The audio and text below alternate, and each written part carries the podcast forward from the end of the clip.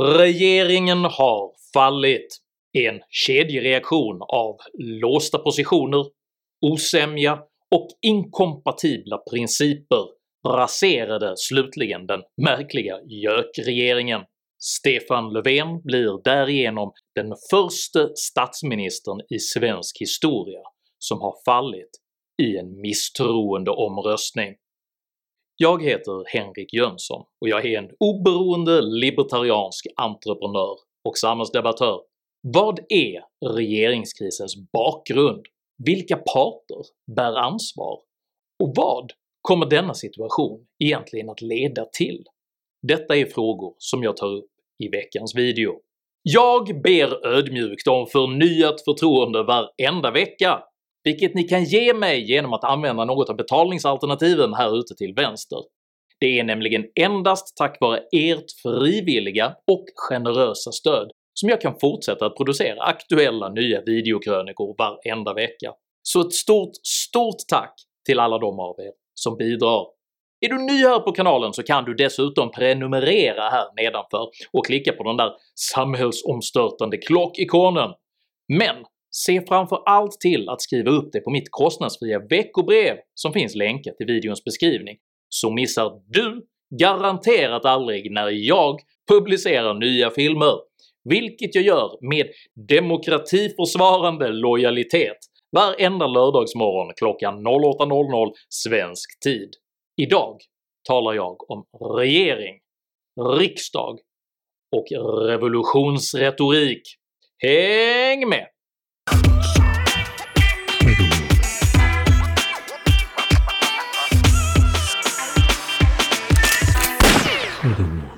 Liten tuva välter ofta stort lass. Så lyder ett gammalt svenskt ordstäv vilket påminner om att små detaljer ibland kan destabilisera även mycket stora processer och system. Talesättet har dock en djupare innebörd än bara varsamhet, för ytterst kan inte den lilla tuvan anklagas för det välta lasset, för detta är lassets arkitekts ansvar. Det ankommer nämligen på lassets upphovsmän att se till att hela ekipaget organiseras på ett så robust sätt att det kan stå pall för välkända naturfenomen. JÖK-regeringen var ett mycket stort och mycket märkligt lass vars hela existensberättigande vilade på den överordnade ambitionen att isolera Sverigedemokraterna från politiskt inflytande. För att uppnå detta mål släppte Centerpartiet och Liberalerna år 2018 fram socialdemokrater och miljöpartister till makten efter att man hade framförhandlat den så kallade januariöverenskommelsen, i folkmun kallad JÖKen. JÖKen innehöll 73 kravställningar rörande centerpartistisk och liberal politik som vänsterregeringen skulle tvingas genomföra i utbyte mot partiernas stöd. Men avtalet innehöll även den BDSM-doftande förnedringsklausulen. Förnedringsklausulen innebar att regeringspartierna lovade att inte förhandla med vänsterpartiet på något sätt, eftersom de två borgerliga partiernas väljare hade tyckt lika illa om ett samarbete med socialistiska V som med nationalistiska SD. Ändå behövde regeringen Vänsterpartiets stöd för att få de nödvändiga 144 mandat som behövdes för att besegra de borgerliga partiernas 143 mandat.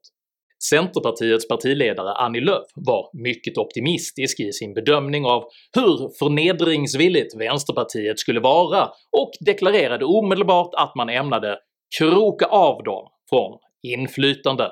Vänsterpartiet behövs bara när regeringen tillträder. Därefter så behövs inte eh, det under de kommande eh, fyra åren. Samtidigt bedrev Vänsterpartiets dåvarande partiledare Jonas Sjöstedt helt egna förhandlingar med tillträdande statsminister Stefan Löfven, vilka kulminerade med ett hemligt avtal som inte kunde offentliggöras. Och att då tro att man kan säga att vi ska ha noll inflytande, det accepterar inte vi. Vi tar inte det. Det går inte. Idag att det finns ett papper då där du och Stefan Löfven har tecknat ner vad det är ni har kommit överens om. Men ingen kommer få se det där pappret. Varför är det hemligt? Alltså, när man sitter och kommer överens om saker så gör man lite minnesanteckningar. Det de inte ville att vi skulle få, det vill säga att få ett politiskt inflytande och förhandla, det gör vi redan. Alla ser. Alla inser att det där inte gick. Försöket att utestänga vänstern från politiskt inflytande, det är ett fullständigt fiasko. Vänsterpartiet deklarerade även öppet att JÖKens 44 punkt, vilken stipulerade att fri hyressättning skulle införas inom icke-statsfinansierad nyproduktion av bostäder, var oacceptabel och att man kategoriskt skulle vägra att gå med på detta. Om den nya regeringen lägger fram överenskommelser om förslag om marknadshyror, då kommer vi att rösta för att avsätta Stefan Löfven. Med just denna fråga som hävstång visade sig Vänsterpartiet i förra veckan inte vara fullt så avkrokat som Löf velat göra gällande och i måndags föll regeringen. Vi kommer nu att söka en misstroendeomröstning i Sveriges riksdag. Omröstningen har utfallit med 181 ja, 109 nej, 51 avstår.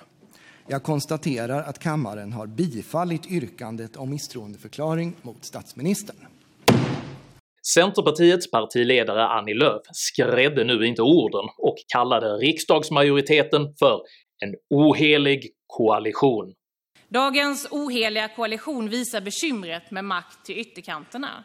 Och Vänsterpartiets nu påtagligt skärrade Nooshi Dadgostar upprepade återkommande hur angelägen man var att få Stefan Löfven tillbaka som statsminister. Vi vill gärna att Stefan Löfven ska återkomma som statsminister.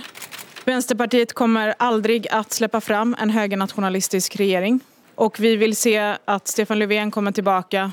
I korthet gav denna situation bara två möjligheter. Att antingen initiera nya talmansrundor och att finna en ny regering som riksdagen kan tolerera, eller att utlysa nyval vilket i så fall måste genomföras inom tre månader.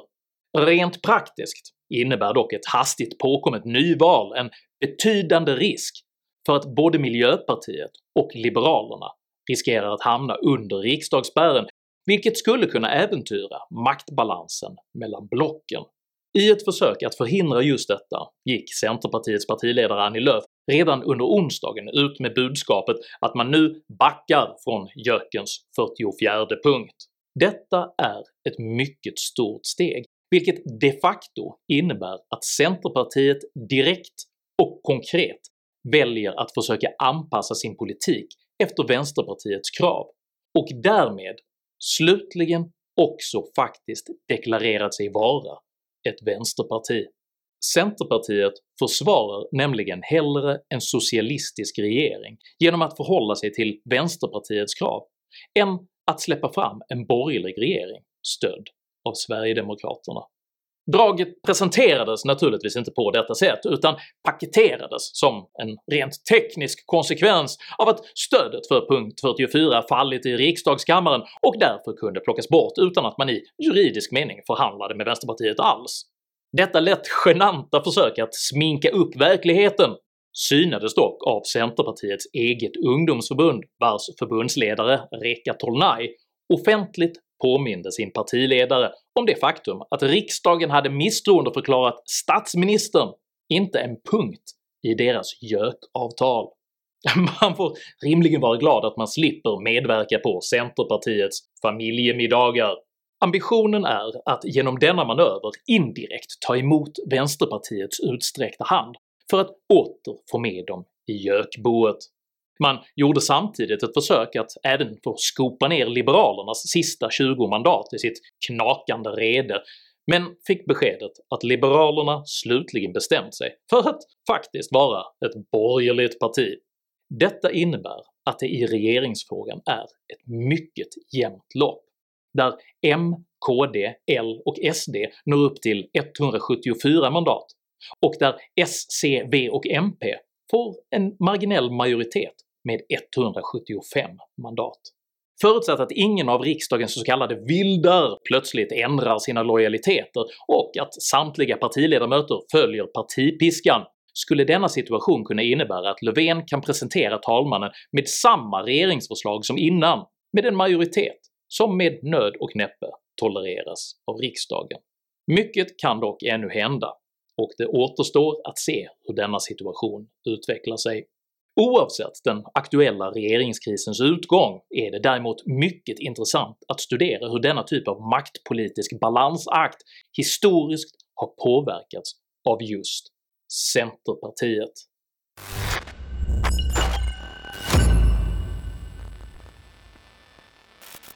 Det sägs att det var den tyske rikskanslern Otto von Bismarck som myntade begreppet “politik är det möjligas konst” och med denna definition excellerar verkligen Centerpartiet med en närmast skamlös förmåga att förvalta sina egna möjligheter. Men att någonting är maktpolitiskt möjligt innebär inte per definition att det även är långsiktigt önskvärt. Både Centerpartiet och dess föregångare Bondeförbundet brukar uppfattas som ett borgerligt parti, men partiets beslutshistoria visar hur man återkommande skjutit verkliga försök att bedriva borgerlig politik i sank. I valet 1932 blev Socialdemokraterna Sveriges största parti, men lyckades inte få tillräckligt stöd för sin budget. Detta innebar ett tillfälle att istället lägga fram en borgerlig budget, men förhoppningarna grusades eftersom bondeförbundet istället gick bakom ryggen på de borgerliga partierna och själva gjorde upp med socialdemokraterna. Resultatet av denna uppgörelse la grunden för en mångårig socialdemokratisk dominans i Sverige. 1956 har socialdemokraterna så regerat i 24 år, och opinionen har slutligen svängt. Sverige ser en tydlig borgerlig dominans och situationen är upplagd för regeringsskifte. Det socialistiska blocket Sveriges kommunistiska parti och Socialdemokraterna får 49,6% och det borgerliga blocket Folkpartiet, Högerpartiet och Bondeförbundet 50,4%. För första gången på nästan ett kvarts sekel såg Sverige en borgerlig majoritet i den andra kammaren. Efter valet inledde dock Bondeförbundet ett samarbete med Socialdemokraterna istället för att bilda en borgerlig regering, med konsekvensen att Sverige inte fick något regeringsskifte. Samarbetet mellan Socialdemokraterna och Bondeförbundet, som nu hade bytt namn till Centerpartiet, bröt dock samman under hösten 1957, vilket resulterade i en regeringskris. Kungen gav nu folkpartiledaren Bertil Ohlin och högerpartiets ledare Jarl Hjalmarsson uppdraget att bilda en borgerlig regering. En sådan regering var emellertid beroende av Centerpartiets stöd, vilket partiet inte var berett att ge.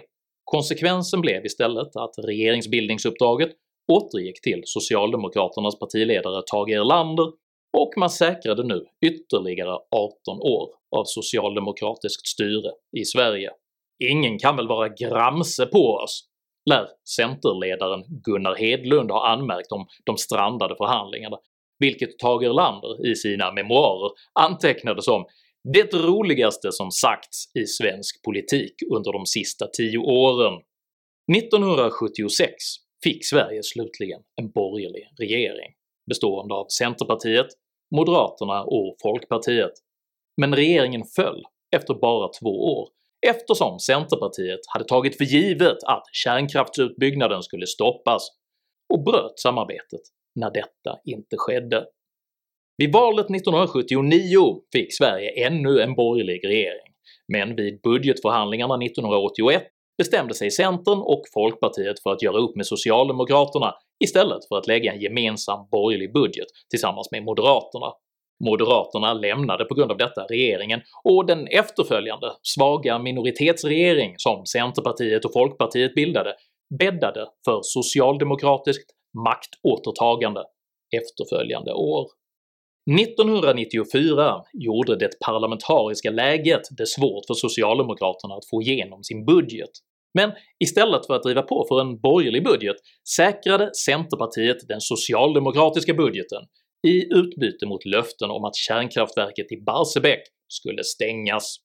2014 gick Centerpartiet till val som ett borgerligt parti för att efter valet säkra ett socialdemokratiskt regeringsinnehav genom att vara drivande för den olycksaliga och mycket kortlivade “decemberöverenskommelsen” Efter decemberöverenskommelsen går Centerpartiet ånyo till val som ett borgerligt parti och dementerar nu med all kraft påståenden om att en röst på deras parti skulle kunna leda till ännu en socialdemokratisk regering. Är en röst på C en röst på alliansen, eller finns det risk att det är en röst på Löfven? Det är en röst på C och alliansregering. I vilket block hamnar en röst på Centern? Hos alliansen med ny statsminister. En röst på C förefaller att bli en röst på MP och S. Där har du fel. Det är en röst på C och en alliansregering. Är C beredda att ge stöd för ännu en S-regering? Nej, vi vill byta ut Stefan Löfven och bilda en alliansregering. Alla som vill ha en ny regering, en alliansregering, behöver rösta på C, L, KD eller M. En röst på C är en röst för en alliansregering och för ett nytt ledarskap för Sverige. En röst på C är en röst på en alliansregering. Jag säger nej till S. Och vi kommer att eh, släppa fram Socialdemokraterna det är att tillgripa grammatiska fikonlöv att slå ifrån sig dessa bedyranden på semantisk grund. Att i retrospekt försöka hävda nyansskillnader mellan begrepp som samarbete, beroende, aktivt och passivt stöd samt att påstå att man faktiskt hållit vad man lovat eftersom man inte har gjort sig till ett stödhjul utan till en motor är både ohederligt och teknokratiskt tondövt. Med denna typ av argumentation kan man lika gärna hävda att Löf varken har gjort sig till stödhjul eller motor, eftersom hon de facto ännu är en människa. Som bäst är detta usel kommunikation, och som värst är det att uppsåtligen luras utan att rent tekniskt ljuga. Det är för en utomstående svårt att inte uppfatta denna nästan 100 år långa kavalkad av idiosynkratiskt centerpartistiskt beteende som någon form av lojalitetsmässig tourettes, men detta beror i så fall på att man inte förstår Centerpartiets unika verklighetsuppfattning.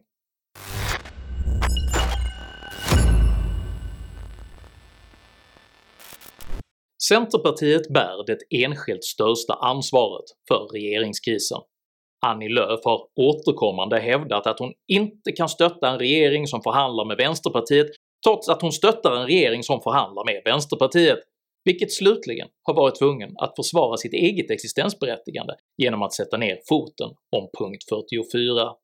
Centerpartiets argumentation återkommer hela tiden till tankefiguren om en politisk bred mitt, där ytterkantspartierna förutsätts kunna isoleras.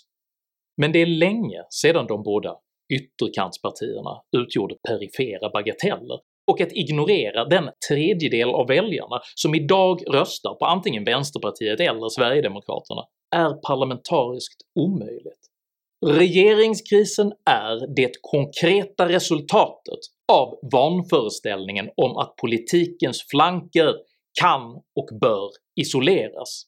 Istället för att enas i någon form av bred mitt enas svensk politik istället just nu mot denna mitt, och detta som en direkt konsekvens av Centerpartiets fiffiga små försök att isolera stora delar av valmanskåren.